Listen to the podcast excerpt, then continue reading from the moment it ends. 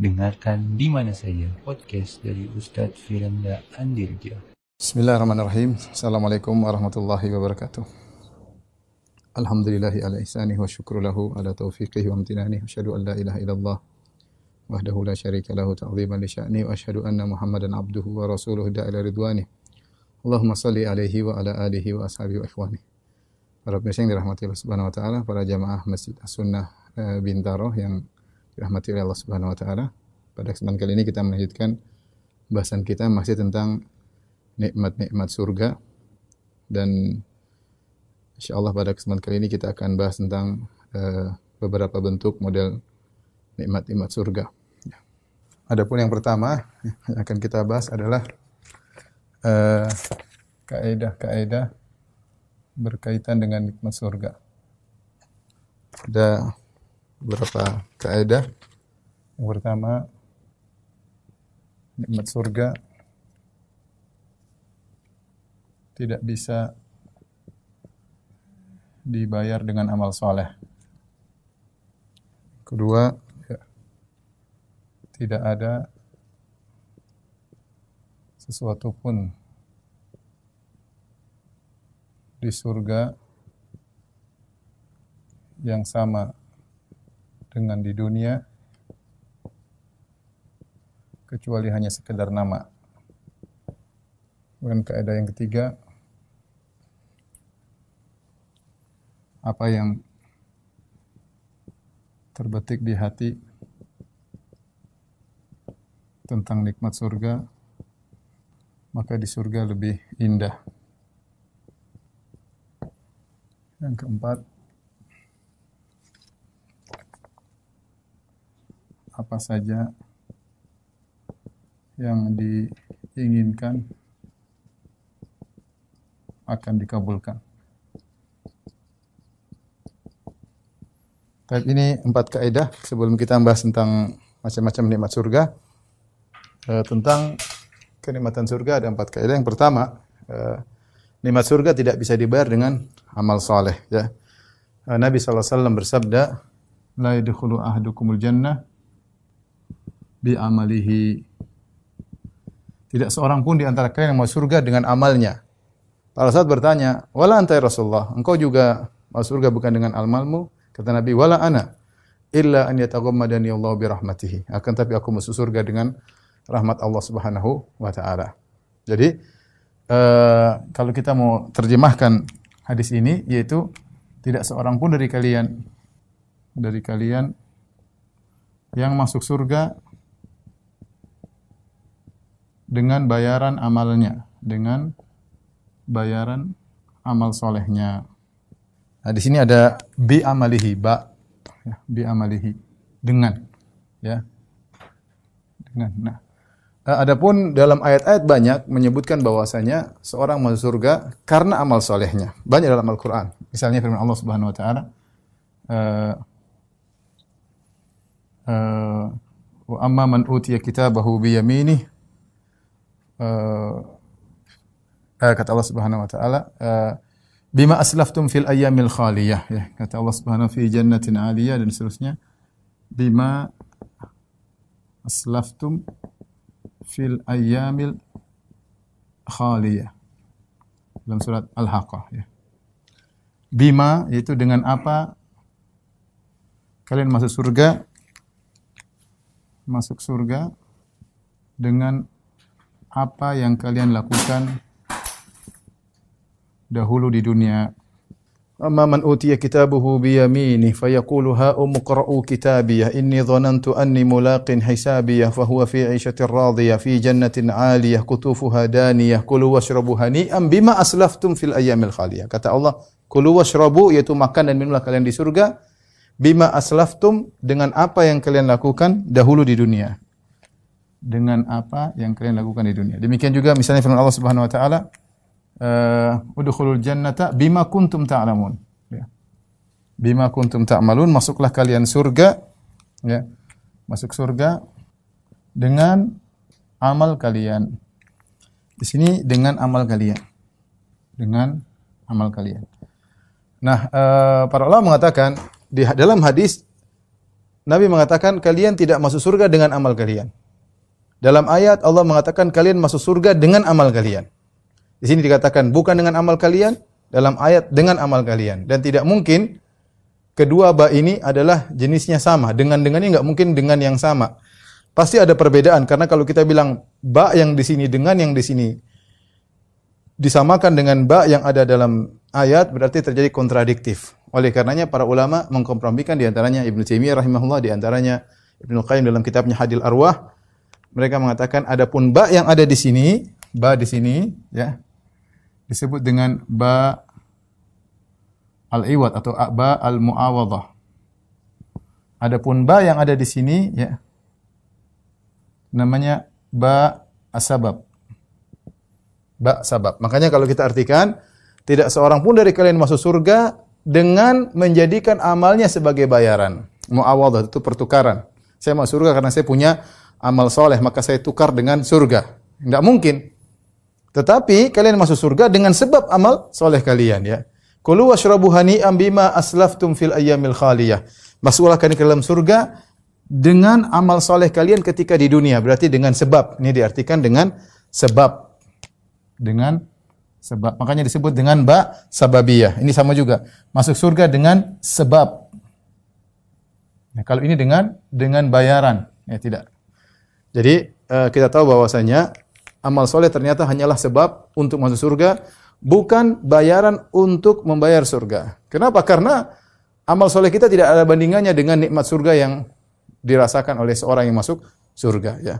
Nikmat surga yang kita rasakan abadi, sempurna. Mau dibayar dengan amal soleh yang hanya muakat, hanya temporer saja. Hanya mungkin kita beramal soleh, taruhlah kita beramal soleh 50 tahun, 60 tahun, 60 tahun. Dengan ibadah yang tidak jelas, tidak khusyuk mungkin, malas-malasan, mau digunakan untuk bayar kenikmatan yang awil dan sempurna? Apakah ibadah kita 50 tahun bisa digunakan untuk bayar satu bidadari saja? Ya. Satu bidadari yang kecantikannya sempurna, yang abadi selama-lamanya tentu tidak bisa. Itu tidak bisa. Oleh karenanya jelas Nabi mengatakan tidaklah seorang masuk surga di antara kalian dengan menjadikan amal solehnya sebagai bayaran. Amal soleh hanya sebagai uh, sebagai sebab. Oleh karena Ibnu Qayyim rahimahullah taala menukilkan dari sebagian salaf mereka berkata an-najatu minan nar bi afwillah. Selamat dari neraka dengan ampunan Allah Subhanahu wa taala. Wa dukhulul jannah bi rahmatihi. Masuk surga dengan rahmat Allah Subhanahu wa taala.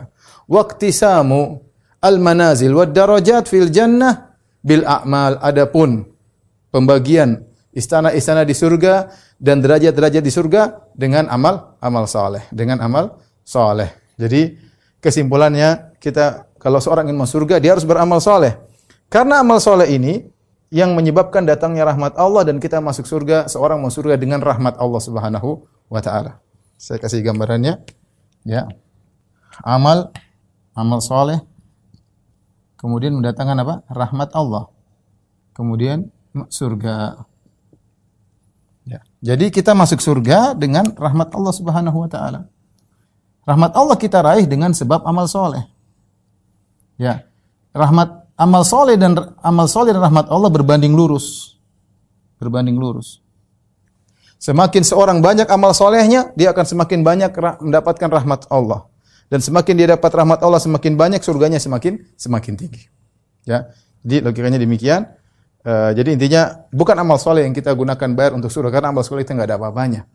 Bayar satu Rasulullah mengatakan, al fajri khairu minad dunya wa fiha." Dua rakaat sebelum subuh lebih baik daripada dunia dan seisinya. Bayang kita sholat dua rakaat sebelum subuh tiga menit paling lama, empat menit paling lama. Ada sebagian dua menit selesai. Itu dibayar atau atau di, di, di, dibalas oleh Allah dengan nikmat yang lebih baik daripada dunia dan seisinya. Makanya tidak sebanding. Tidak sebanding sholat dua rakaat dengan balasan Allah eh, kenikmatan lebih baik daripada dunia dan seisinya. Maka yang jelas uh, nikmat surga tidak bisa dibayar dengan amal soleh. Tapi amal soleh merupakan sebab diraihnya uh, nikmat surga. Baik.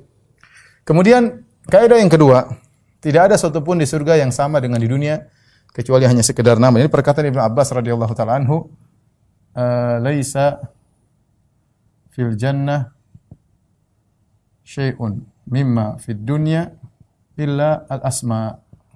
Artinya tidak ada suatu pun di surga, suatu pun yang dibandingkan dengan dunia kecuali hanya sekedar nama, hanya sekedar nama. Di surga banyak uh, kenikmatan-kenikmatan ya seperti pohon, seperti buah-buahan, seperti sungai, seperti wanita, Uh, banyak ya, tetapi ternyata hakikatnya semua berbeda dengan ada yang ada di di uh, di dunia ya. Dunia uh, tidak bisa disamakan dengan di surga ya.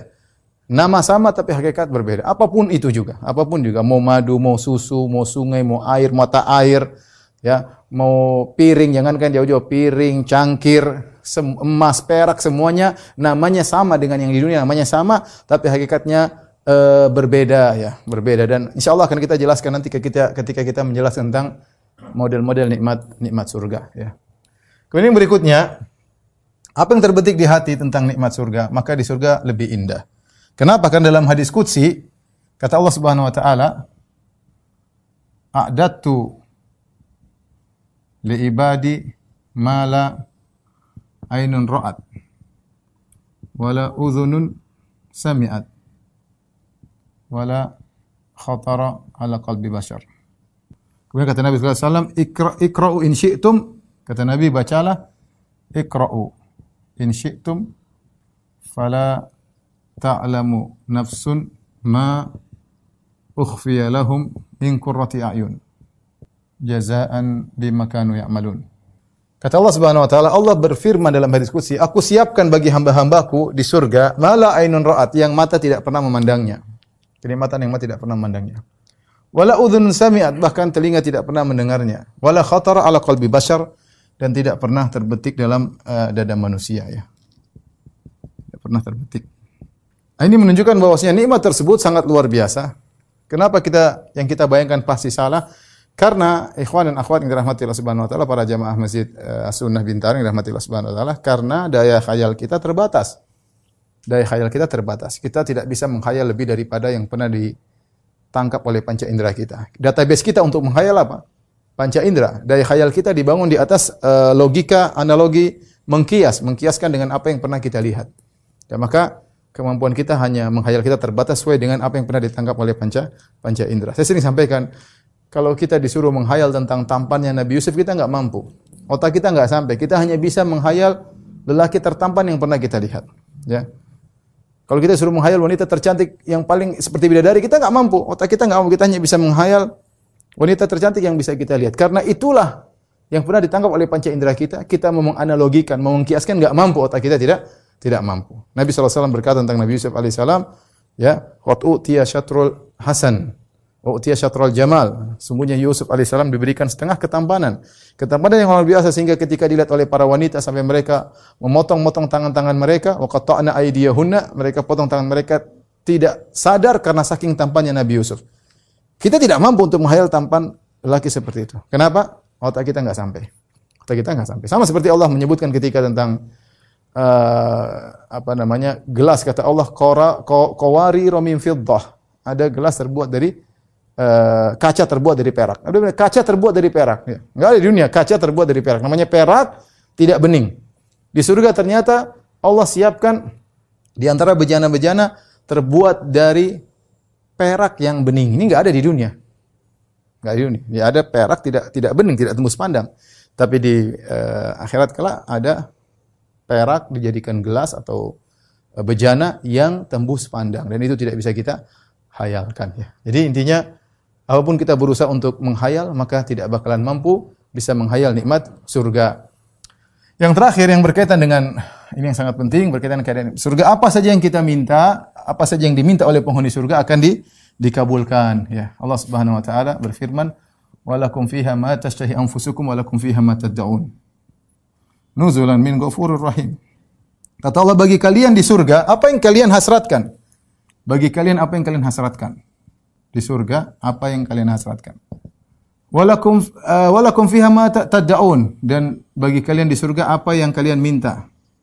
Ya. Kita hasratkan Allah kabulkan, kita minta apalagi Allah Allah kabulkan ya. Dan ini umum ya walakum fiha ma tashtahi di sini ma mausulah menunjukkan faedah keumuman. Apa pun yang diminta, apa pun yang dihasratkan akan dikabulkan oleh Allah Subhanahu wa taala. Oleh karenanya uh, di surga kata Nabi sallallahu alaihi wasallam, "Idza istahal mu'min uh, al-mu'min idza ishtahal walad ya hamluhu wad'uhu ya fi sa'a wahida ya kata Nabi SAW jika seorang mukmin ingin punya anak di surga Allah akan berikan dia anak. Misalnya ada seorang ternyata di dunia dia mandul ya, atau suami mandul atau istri mandul tidak bisa punya anak. Ternyata di surga dia ingin punya anak Allah kasih. Kata Nabi kalau al mukmin idza ishtahal walad kalau dia ingin punya anak di surga Allah kasih. Menunjukkan dia minta apa saja dikasih. Bahkan kalau ingin punya anak di surga Allah kasih. Tapi apakah dia ingin punya anak? Itu urusan lain. Tapi Nabi mengatakan seandainya dia ingin punya anak Allah kasih. Ya, ini menunjukkan umum, minta apa saja di, dikasih. Demikian juga uh, dalam satu hadis ketika uh, Rasulullah SAW uh, berkata, ya, Inna rajulan min ahli jannah ya ista'dzana rabbahu fi zara. Kata Nabi SAW, ada seorang penghuni surga, di surga dia minta izin kepada Allah di surga untuk bercocok tanam. Ingin bercocok tanam di surga. Ya. Maka Allah berkata, "Alasta fi syi'ta?" Bukankah kau minta apa saja dikabulkan? Kata dia, "Bala wa rabbi." Tentu ya Allah. Walakinni uhibbu an azra. Ya artinya ngapain minta bercocok tanam? Bercocok tanam melelahkan dan yang lainnya. Kenapa minta bercocok tanam? Kan minta apa saja dikasih. Minta apa saja dikasih. Apa kata uh, orang tersebut? Ya. Bala walakinni uhibbu an azra, tapi saya ingin bercocok tanam. Allah kabulkan. Fabadhara, maka dia pun bercocok tanam. Fabadara at-tarfa ya istiwa'uhu uh, nabatuhu istiwa'uhu wastihsaduhu fakana amsal al-jibal. Kata Nabi sallallahu alaihi wasallam ketika dia meletakkan benih di tanah surga, maka dalam sekejap sebelum dia mengedipkan matanya, maka sudah tumbuh, sudah panen, sudah matang sebesar gunung, sebesar gunung-gunung. Jadi hasil langsung begitu banyak. Karena di surga tidak ada namanya uh, menanti, nggak ada namanya menunggu, ya, nggak ada. Langsung dikabulkan. Jadi ini dalil bahwasanya seorang terkadang berangan-angan tentang suatu yang dia di dunia mungkin dia rindu. Ya, ini orang Dulu mungkin dulu pencocok tanam, bercocok tanam. Makanya ketika Nabi SAW sedang menyampaikan hadis itu ada seorang Arab Badui berkata, "Ya Rasulullah, saya tahu itu orang yang di surga tadi, dia pasti Quraisy atau Ansari, karena dia mereka itulah yang mungkin bercocok tanam. Adapun kita Arab Badui tidak bercocok tanam. Maka Nabi SAW pun tertawa mendengar komentar Arab Badui tadi ya.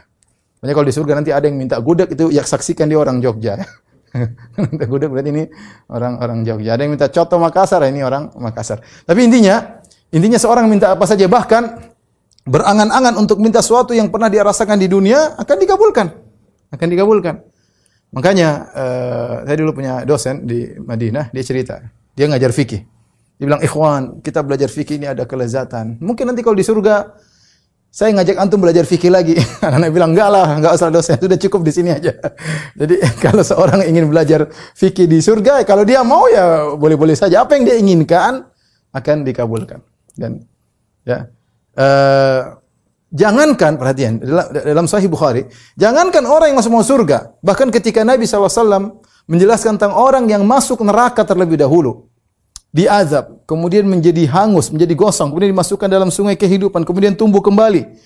Kemudian Allah suruh dia uh, diselamatkan di neraka, kemudian dia minta didekatkan, kemudian minta didekatkan di pintu surga, kemudian dia berjanji saya tidak akan minta lagi, akhirnya dia minta dimasukkan surga. Ini orang baru saja dikeluarkan dari neraka jahanam. Ini bukan maksud surga langsung, tapi ini orang dimas, dari, dikeluarkan dari neraka jahanam kemudian masuk surga. Alumni neraka jahanam, ya. Jahannamiyun, ya. orang-orang yang bekas masuk neraka jahanam. Maka ketika dia mau surga Allah mengatakan tamanna. Wahai fulan, berangan-anganlah. Uh, Masya Allah. Dia disuruh berangan-angan oleh Allah Subhanahu wa taala. Jadi bukan cuma yang langsung masuk surga yang bisa pokoknya ente sudah masuk surga minta apa saja boleh meski masuk langsungkah tanpa hisapkah atau dihisap dulu atau mampir dulu neraka jahanam yang penting kaki sudah injak surga minta apa saja dikabulkan. Ini kaidah berlaku seluruhnya. Maka kata Allah tamanna berangan-anganlah. Maka dia ber, ya Allah aku ingin ini, aku ingin ini, aku ini minta terus semuanya. Dia berangan-angan minta semuanya sampai dia keluarkan semua keinginannya. Sampai begitu gembiranya dia lupa Kata Allah min kada min kada, kamu lupa minta ini, minta ini. Oh iya ya Allah, iya saya minta itu juga, saya minta itu juga. Subhanallah. Hatta tahat amani al-amani sampai semua keinginannya sudah dia keluarkan. Berarti kan apa saja yang diinginkan didapat. Maka kata Allah Subhanahu wa taala, laka mithluhu ya. Uh, uh, laka uh, apa yang kau angan-angankan wa mithluhu dan juga semisalnya. Dalam sebagian riwayat wa asyratu amsalihah kau mendapatkan apa yang kau angan-angankan dan dua kali lipat. Bahkan dalam sebagian riwayat sepuluh kali kali lipat. Ini dalil bahwasanya semua yang masuk surga dia bebas berangan-angan apa yang dia inginkan, ya. Kata Allah, "Walakum fiha ma tashtahi anfusukum." Di surga apa yang dia inginkan dan walakum fiha ma tad'un. Di surga apa yang dia minta. Sampai ada seorang ulama mengatakan, "Apa yang kau ingin kalau di surga?" Saya ingin di surga ada awan lewat, kemudian hujan bidadari, bukan hujan bukan hujan air, hujan bidadari. Terserah. Ya. Ada yang bertanya, Ustaz, kalau saya di surga, bisa nggak saya main bola lagi? Jadi, kalau secara kaidah boleh. Anda masuk surga, Anda boleh main bola. Pingin main bola, tapi timbul pertanyaan, apakah sampai di sana masih pingin main bola? Ah, belum tentu. Kita saja di dunia, di dunia sih kita nggak usah bicara di surga, kita aja di dunia. Ada perkara-perkara yang dulu kita suka, kita angan-angankan, sekarang mungkin sudah tidak berminat lagi. Coba kita bicara komputer. Komputer mungkin kalau tahun 80-an ada yang punya komputer yang komputer besar, kemudian oh, orang pada uh pingin sekali punya komputer tapi mahal nggak punya duit. Dia ketika itu berangan-angan punya pingin komputer seperti itu. Tahun 80-an. Atau tahun 70-an lah. Saya belum lahir. Ya. Mungkin ada komputer besar, dia berangan-angan pingin punya komputer seperti itu, tapi dia nggak punya duit. Sehingga sampai dia lewat tahun dia tetap tidak bisa membeli komputer tersebut. Seandainya di zaman sekarang tahun 2020 dikasih komputer itu dia nggak bakalan mau. Ya setengah mati masih belum masih sangat lambat, masih mungkin dos zaman dahulu ya nggak nggak ada faedahnya.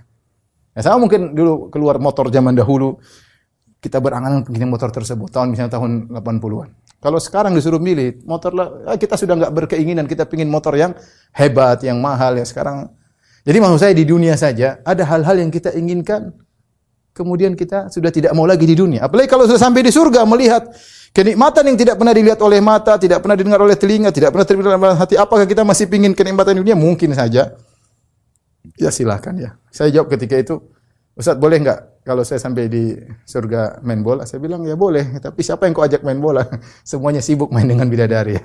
Taib. Ini uh, kaidah-kaidah yang berkaitan dengan uh, nikmat-nikmat surga. Uh, kita lanjutkan berikut tentang hal-hal uh, yang berkaitan dengan nikmat berkaitan dengan penghuni surga. Baru kemudian kita akan bahas kaidah-kaidah berkaitan dengan nikmat-nikmat surga itu sendiri. Tolong dihapus. Taib yang kedua yang kita bahas adalah ya jadi kita akan bagi kenikmatan surga. Kita bagi menjadi dua ya. Kenikmatan-kenikmatan model-model kenikmatan yang ada di surga. Kemudian eh, kenikmatan-kenikmatan yang ada pada diri penghuni surga nomor satu, nomor dua.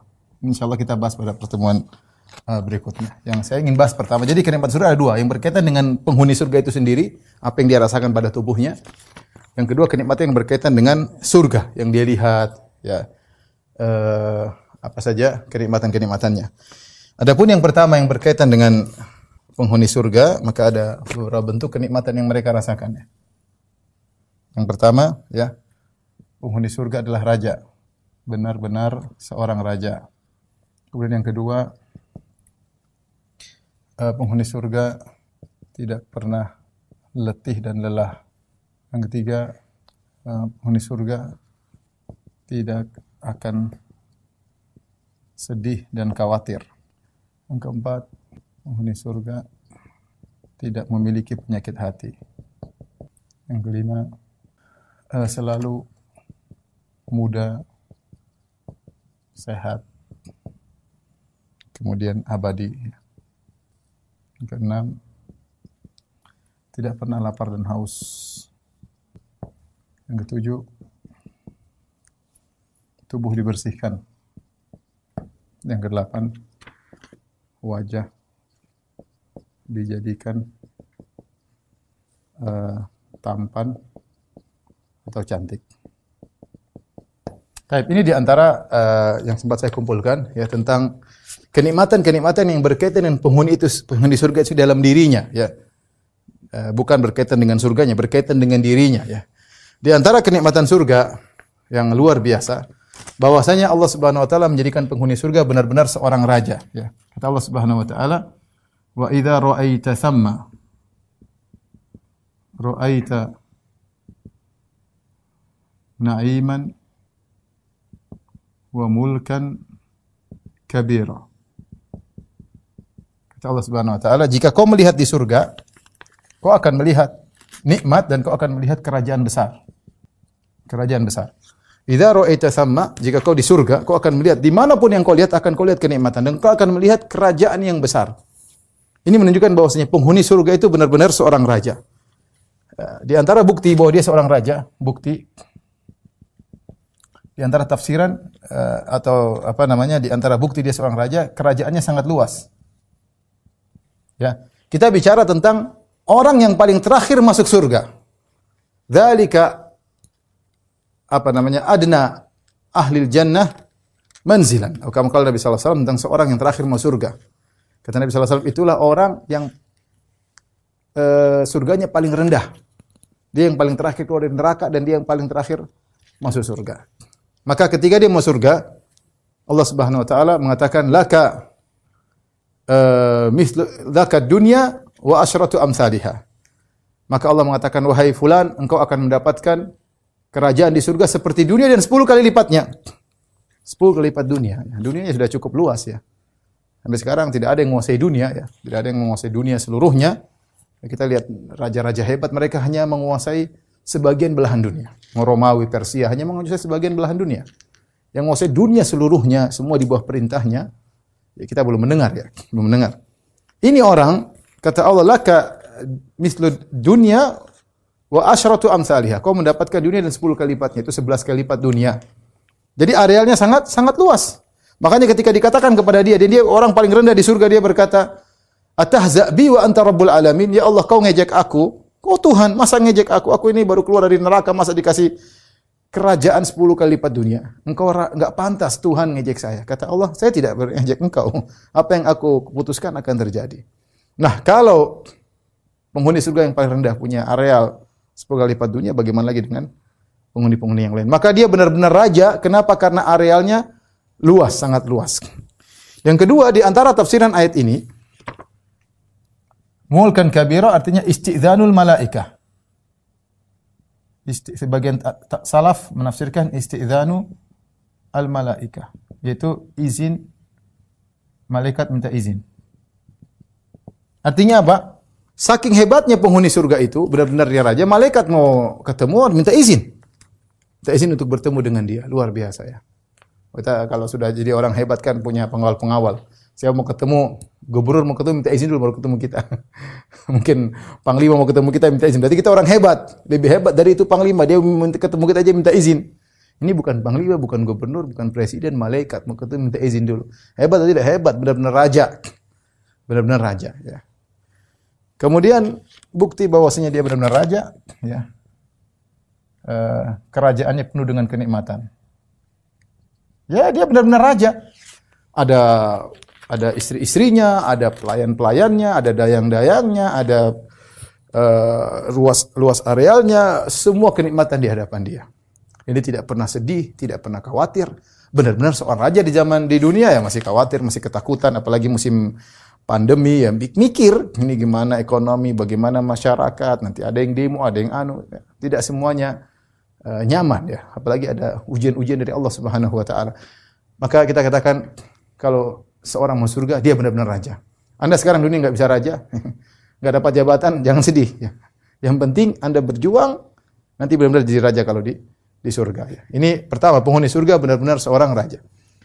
Kemudian di antara kenikmatan yang berkaitan dengan penghuni surga itu sendiri tidak pernah letih dan lelah ya. Dalam Al-Qur'an ketika mereka mau surga, mereka mengatakan alhamdulilladzi adhaba annal hazan. Ah, apa? La yamassuna fiha nasabun wa la yamassuna fiha lugub ya. Kata mereka la yamassuna fiha nasabun wa la yamassuna fiha lugub. Kata penghuni surga, kami tidak dialami dengan nasab dan kami tidak alami dengan lugub. Apa bedanya nasab dengan lugub? Nasab keletihan ketika beraktivitas. Lugub keletihan setelah beraktivitas. Dua-duanya tidak dialami oleh penghuni surga. Ada sebagian orang dia tidak mengalami nasab. Dia ketika olahraga, oh semangat, tidak capek. Namun setelah olahraga, dia lugub lelah. Bahkan ada yang meninggal dunia ya. Berarti dia tidak mengalami nasab tapi dia mengalami lugub, ya. Oleh karenanya Allah dituduh oleh orang-orang Yahudi mengalami lugub setelah menciptakan langit dan bumi dalam enam masa, enam hari sehingga hari ketujuh Allah istirahat. Kenapa dia mengalami lugub keletihan setelah beraktivitas setelah menciptakan? Allah istirahat. Maka Allah bantah, "Walaqad khalaqna samawati wal arda bainahuma fi sittati ayamin wa ma massana min lughub." Kata Allah, sungguh kami telah menciptakan dunia, uh, langit dan bumi dan apa di antara keduanya dalam waktu enam hari dan kami tidak ditimpa dengan lugub yaitu keletihan setelah beraktivitas. Nah, penghuni surga tidak letih dan tidak lelah. Kenapa ikhwan dan akhwat yang rahmatillah subhanahu wa ta'ala? Karena kalau mereka letih atau lelah, berarti mereka berhenti dari kenikmatan surga. Sementara kenikmatan surga tidak boleh berhenti. Seorang hanya berpindah dari satu kenikmatan kepada kenikmatan yang lain. Ya, lagi main-main, tapi aduh, afwan saya capek dulu ya.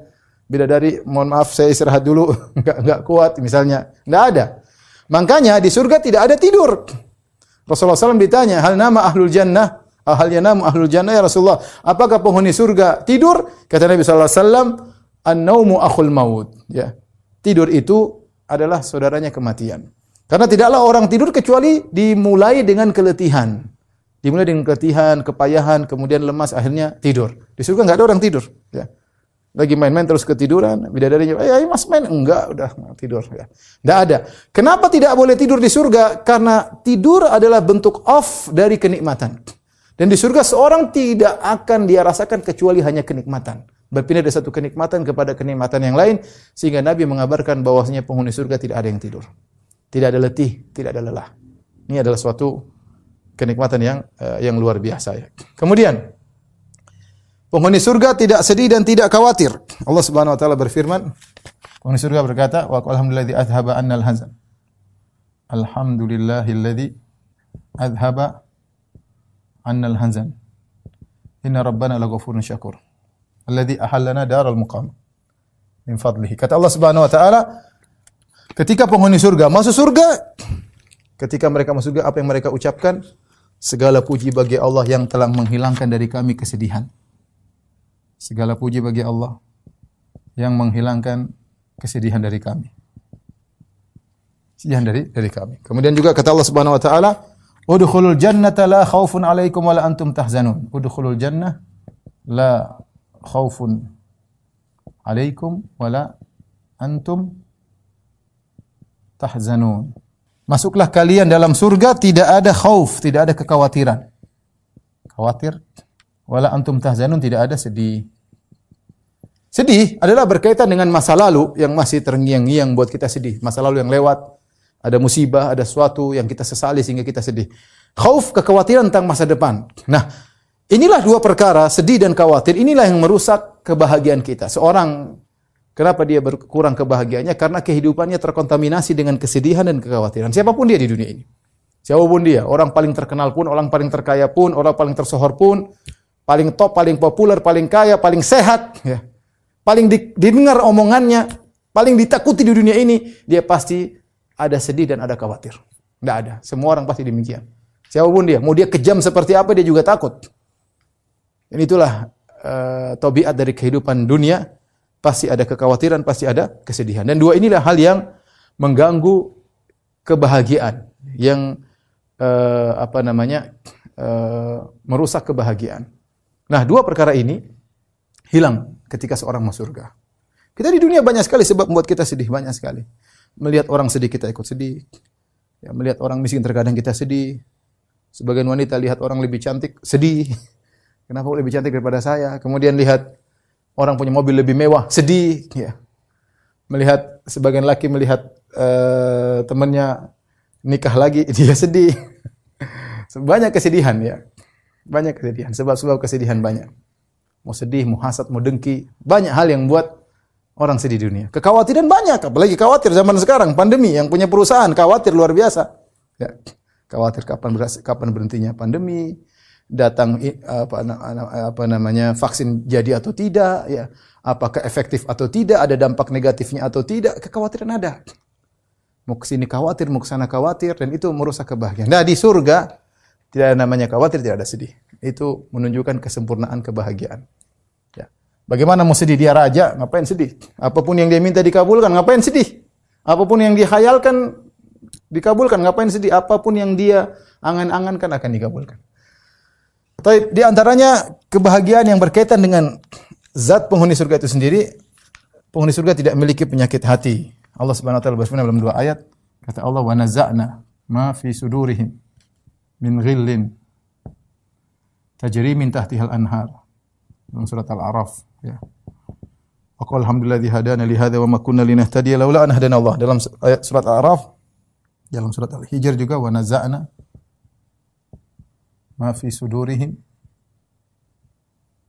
min ghillin ikhwanan ala sururin mutaqabilin. Kata Allah Subhanahu wa taala, kami cabut dari dada mereka ghil. Ghil itu penyakit-penyakit hati. Ya.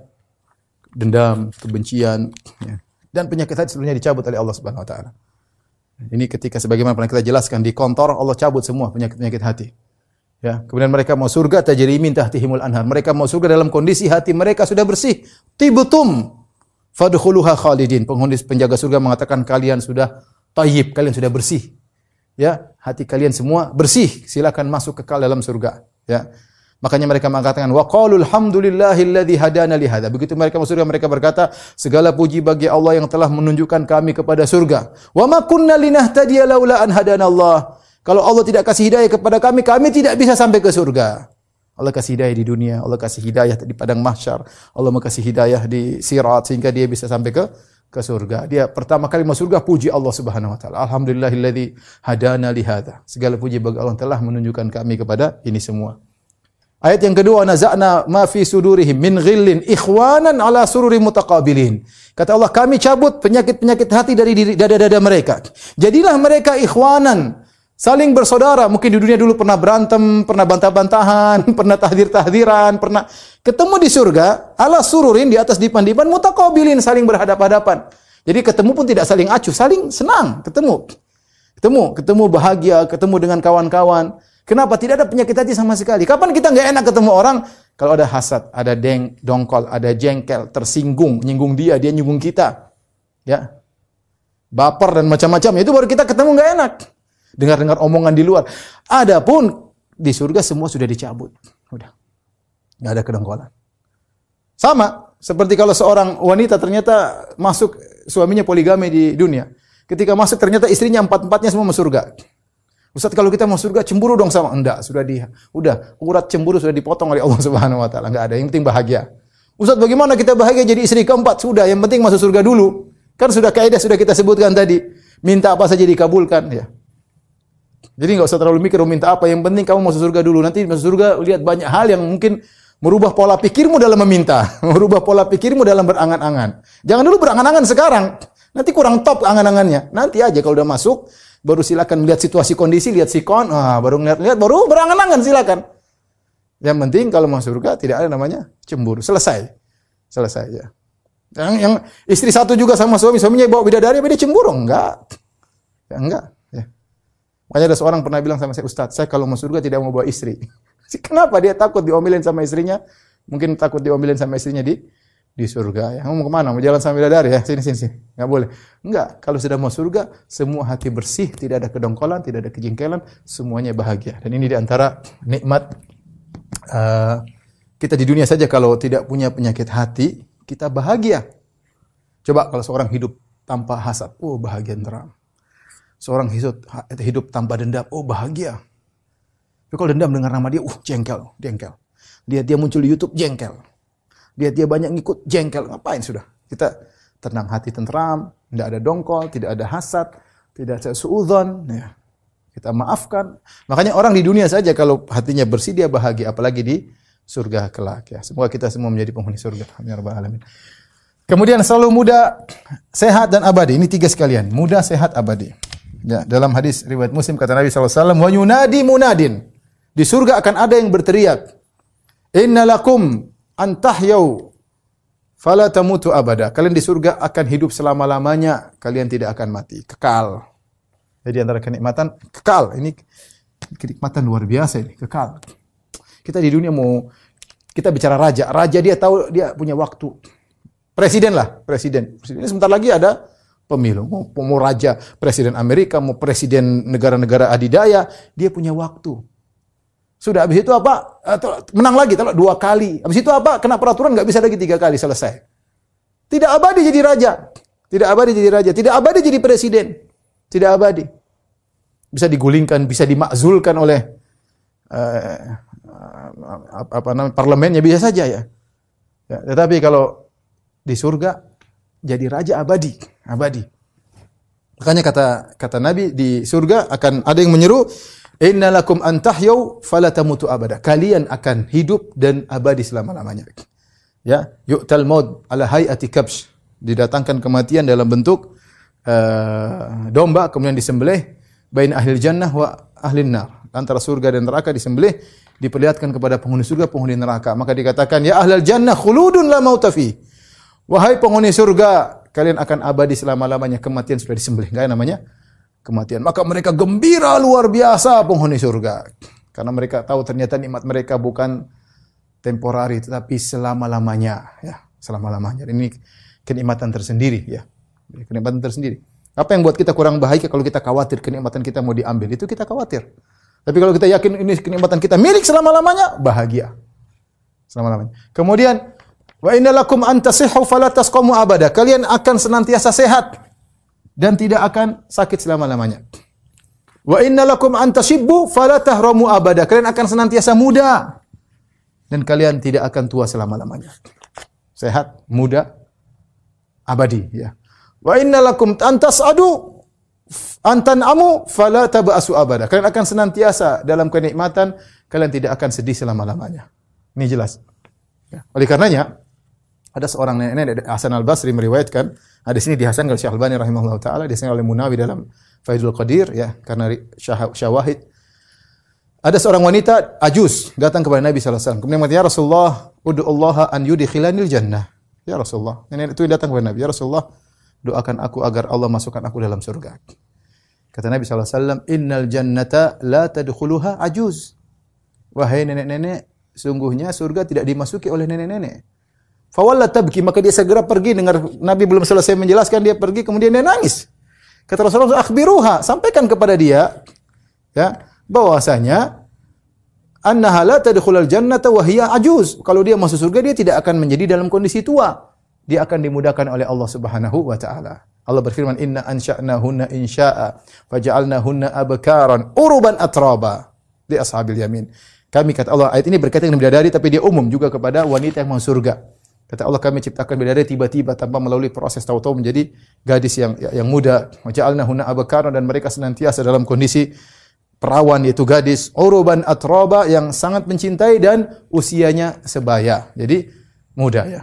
Kemudian dalam hadis juga kata Rasulullah SAW, uh, yadkhulul jannata ahlul jannah penghuni surga masuk surga dalam kondisi apa? Jurudan, murdan, mukahhalin, ya. Uh, ji'adan abna thalathin wa, wa thalathin. Ya. Suratu ala khilqati Adam tuluhu situna zira'an arduhu sab'atu uh, azra. Atau kama qala Nabi sallallahu alaihi wasallam. Dalam hadis yang disahihkan oleh Syekh Al-Albani rahimahullah taala, Nabi mengatakan bahwasanya penghuni surga mau surga dalam kondisi apa? Dalam kondisi juludan, murdan, ya, dalam kondisi tidak memiliki uh, rambut di tubuhnya, ya tidak ada bulu ketiak, tidak ada bulu kemaluan, enggak ada. Murdan dalam kondisi tidak berjenggot ketika mau surga. Kemudian juga mukahalin, mata mereka seperti pakai celak, itu indah, ada hitamnya di sini, seperti pakai celak, tapi dia bukan pakai bukan pakai celak asli dari sana. Kemudian juga kata Nabi wasallam, abna uh, ji'adan rambutnya agak ikal, ya tidak lurus, benar lurus tapi agak ikal. Kemudian kata Nabi wasallam, abna salasin wa salasin. Umur mereka 33 tahun.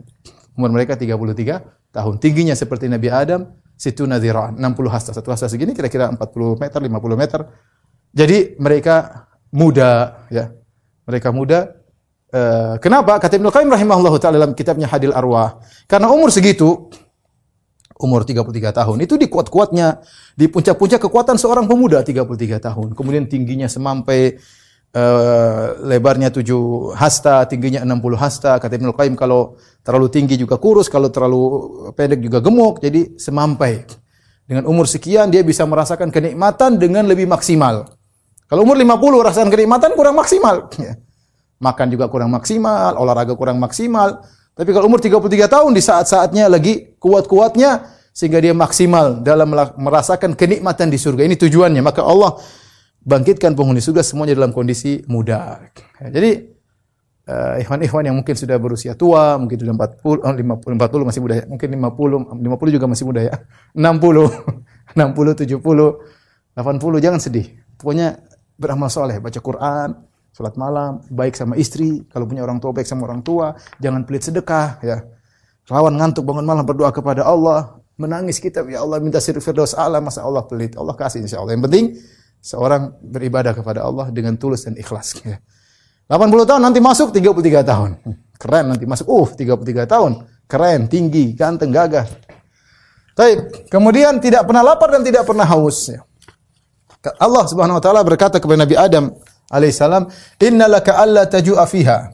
Haus, tidak haus dan tidak pernah lapar, tidak haus, tidak kepanasan. Ya. Kata Allah, innalaka alla taju'a fiha wa la ta'ra wa annaka la tazma'u fiha wa la tadha. Dalam surah Toha. Kata Allah Subhanahu wa taala, Adam, kalau kau di surga kau tidak akan lapar. Kau tidak akan lapar, Wala ta'ra kau tidak akan telanjang, kau tidak akan haus, ini haus, ini lapar, tidak akan kepanasan. Surga tidak ada kepanasan, sejuk, enak ya. Itu penghuni surga. Terus Ustaz, ngapain makan, minum? Ya makan dan minum bukan untuk kelaparan, tapi berlezat-lezat. Dia tidak lapar tapi dia makan ini dan enak. Kita kalau nggak lapar makan baru dua tiga ah, sudah nggak kuat lagi. Meskipun di depan masih banyak makanan, ada mie ayam, ada bebek goreng, ada apa lagi, martabak, ada enak. Tapi nggak kuat makan, udah kenyang. Di surga makan sampai sebanyak-banyak tidak akan. Ya kita udah kenyang tapi berlezat-lezat kalau masuk surga. Masuk surga makan berlezat-lezat. Semoga Allah masukkan kita semua dalam surga. Amin ya rabbal alamin. Jadi kita kalau kita kalau jangan dibilang kita, seandainya ada seorang masuk surga, maka dia akan makan sepuas-puasnya. Dan dia tidak akan kenyang. Jadi dia makan bukan karena kelaparan, dia minum bukan karena kehausan, tapi karena berlezat-lezat. Karena berlezat-lezat ya. Kemudian tubuh dibersihkan, ya. Tubuh dibersihkan ya. Dalam hadis kata Nabi sallallahu alaihi wasallam, "Awalu zumratin tadkhulul jannah suratuhum ala suratil qamar lailatal badri. Walladzina uh, yalunahum ka ashaddi kawkabin durri idha'atan fis sama." Kata Nabi sallallahu alaihi wasallam, yang pertama kali masuk surga, bentuk mereka seperti rembulan, bersinar di bulan purnama. Yang kedua, gerombongan kedua masuk seperti bintang yang bersinar terang. Ya. Kemudian Rasulullah jelaskan, la yabulun, wala uh, yataqawwatun, wala yabsukun. Uh, mereka masuk surga tidak buang air besar, tidak buang air kecil. Ya. Mereka tidak meludah, ya. bahkan uh, keringat mereka apa namanya uh, minyak bau minyak kesturi ya dibersih nggak ada kotoran sama sama sekali nggak ada kotoran sama sekali ini berlaku bagi laki-laki dan wanita ya makanya di antara firman Allah Subhanahu wa taala lahum fiha azwajun mutahharah dalam beberapa ayat dalam Al-Qur'an Allah mengatakan bagi penghuni surga mereka akan mendapatkan istri-istri yang disucikan. Di antara tafsiran para ulama seperti Syekh Sa'di rahimahullah taala istri-istri yang disucikan maksudnya disucikan dari sisi semuanya disucikan. Dari sisi akhlak dari sisi fisik. Akhlak disucikan, nggak ada lagi menjengkelkan, nggak ada lagi eh, marah-marah, uh, nggak ada lagi tamak, nggak ada nggak. Semuanya bersih sifat-sifat buruk, nggak ada dendam, nggak ada cemburu, gak, bersih. Kemudian dis, disucikan juga dari sisi fisik. Tidak ada haid, tidak ada nifas ya. Tidak ada bau keteak, tidak ada upil, tidak ada kotoran telinga, tidak ada tai mata, semuanya bersih ya. Semuanya bersih. Sehingga penghuni surga tubuhnya dibersihkan, bahkan tubuh mereka harum. Tubuh mereka harum. Dari sananya Allah ciptakan dengan tubuh yang yang harum ya. Yang terakhir yang kita ingin sampaikan pada kesempatan kali ini bahwasanya mereka dijadikan tampan. Penghuni surga dijadikan tampan oleh Allah Subhanahu dan dalil menunjukkan akan hal ini uh, banyak ya. Di antaranya tadi yang saya sudah sebutkan, inna awwala zumratin yadkhulunal jannah ala suratil qamar lailatul badr. Rombongan pertama kali masuk surga seperti rembulan. Rembulan itu adalah gambaran ketampanan dan kecantikan. Zaman dulu orang-orang Arab kalau ingin bilang perempuan cantik, wajahmu seperti rembulan. Laki-laki tampan seperti rembulan. Ya. Jadi mereka tampan. Tapi kata para ulama mereka dirubah menjadi wajah yang tampan, tetapi masih dibeda, bisa dibedakan satu dengan yang lainnya. Mereka saling mengenal penghuni surga. Jadi ada ciri-ciri uh, yang istimewanya eh, yang khasnya masih kelihatan. Sama seperti anak kecil, kita kenal wajahnya. Begitu dia besar, rahangnya membesar, ada jenggotnya misalnya. Tapi kita masih tahu, oh, ini si fulan dulu ya. Sudah berubah wajahmu nak. Sekarang sudah masya Allah, udah gagah, udah. Tapi kita tahu dia, dia, dia yang ini yang dulu kecil kita tahu. Kita tahu dia. Kenapa? Meskipun ada perubahan-perubahan fisik, tetapi ciri khasnya uh, masih uh, masih kelihatan. Maka meskipun penghuni surga dirubah menjadi seperti rembulan, tampan, tetap aja masih bisa uh, dibedakan. Kemudian rombongan kedua seperti bintang yang bersinar terang. Ini menunjukkan uh, mereka dijadikan tampan oleh Allah Subhanahu wa taala. Di antara akan hal ini dalam hadis sahih Muslim, saya bacakan hadisnya. Inna fil jannati lasuqan. Sungguhnya di surga ada pasar. Ya, ada dua pendapat dengan para ulama. Ada yang mengatakan hari Jumat, ya. ada yang mengatakan maksudnya seukuran sepekan karena di surga tidak ada hari. Ya, tidak ada hari, tidak ada siang, tidak ada malam, tapi ada yang mengatakan ada hari tapi dihitung dengan cahaya. Allah berikan cahaya tertentu untuk menandakan pergantian hari. Tapi nggak ada materi, tidak rembulan. Apakah Jumat sini maksudnya benar hari Jumat ataukah maksudnya seukuran Jumat? Imam Nawawi rahimahullah taala dalam Al-Minhaj mengatakan maksudnya setiap pekan sekali mereka ada jadwal ke suatu pasar di sana. Fatahubur rihus syamal fatahthu fi wujuhim wa thiyabihim. Ketika mereka di pasar, pasar surga, tiba-tiba ada angin dari utara meniup mereka, menghembus di wajah mereka dan menghembus di baju mereka. Ternyata angin tersebut menambah kenikmatan. Fayasdaduna fayasdaduna husnan wa jamalan. Mereka semakin indah dan semakin tampan kata kata Nabi SAW. Terkena angin tersebut, mereka semakin indah semakin tampan. Fayarji'una ila ahlihim. Kemudian mereka uh, pulang ke keluarga mereka, mungkin ketemu anak-anak, ketemu istri. Wa qad husnan wa jamalan. Ternyata anak-anak mereka, istri mereka juga semakin tampan, semakin indah, semakin cantik. Fayaqulu lahum ahluhum. Maka keluarga mereka berkata kepada penghuni surga, "Wallahi laqad ba'dana husnan wa jamalan. Sungguh kalian setelah meninggalkan kami, kalian balik dari pasar, kalian tambah tampan, tambah indah. Fayaqulun, maka penghuni surga berkata pula, wa antum wallahi laqad ba'dana husnan wa jamalan. Kalian juga wahai keluargaku, setelah kami balik kalian tambah tampan dan tambah indah. Ini dalil bahwasanya uh, wajah mereka dijadikan tampan dan bahkan semakin tampan, semakin tampan oleh Allah Subhanahu wa taala. Ya. Kemudian juga di antara dalil akan uh, hal tersebut dalam satu hadis yang uh, disahihkan oleh Albani rahimahullah taala dan dihasilkan oleh Munawi dan Faidul Qadir kata Nabi sallallahu alaihi wasallam uh, ma min ahadin yamutu saqtan ya wala haraman wa innaman nas fima baina dhalik. Ya. Illa bu'itha ibnu 30 sana. Fa in kanu fa in kana min ahli jannah kana ala naskhati Adam wa surat Yusuf ya. Mungkin saya salah nukil ya. Wa qalbi Ayyub wa man kana min ahli nar uzimu wa fukhimu kal jibal. Ya. Intinya di sini Nabi mengatakan ya tidaklah seorang meninggal dalam kondisi uh, sakat yaitu apa namanya uh, keguguran atau dalam kondisi sangat tua adapun manusia biasanya di antara itu ya di antara itu ya umur 60, nomor 30, umur 40, 50. Tapi kalau ada yang meninggal gugur, keguguran atau sangat tua, sudah pikun kemudian meninggal dan dia muslim, illa bu'aitha, maka dia akan dibangkitkan berusia 30-an tahun. Kalau dia termasuk penghuni surga, maka dia bentuknya seperti Nabi Adam, ala surati Adam, wa surati Yusuf dan seperti Nabi Yusuf alaihissalam. Wa qalbi Ayub dan hatinya seperti Nabi Ayub alaihissalam, ya.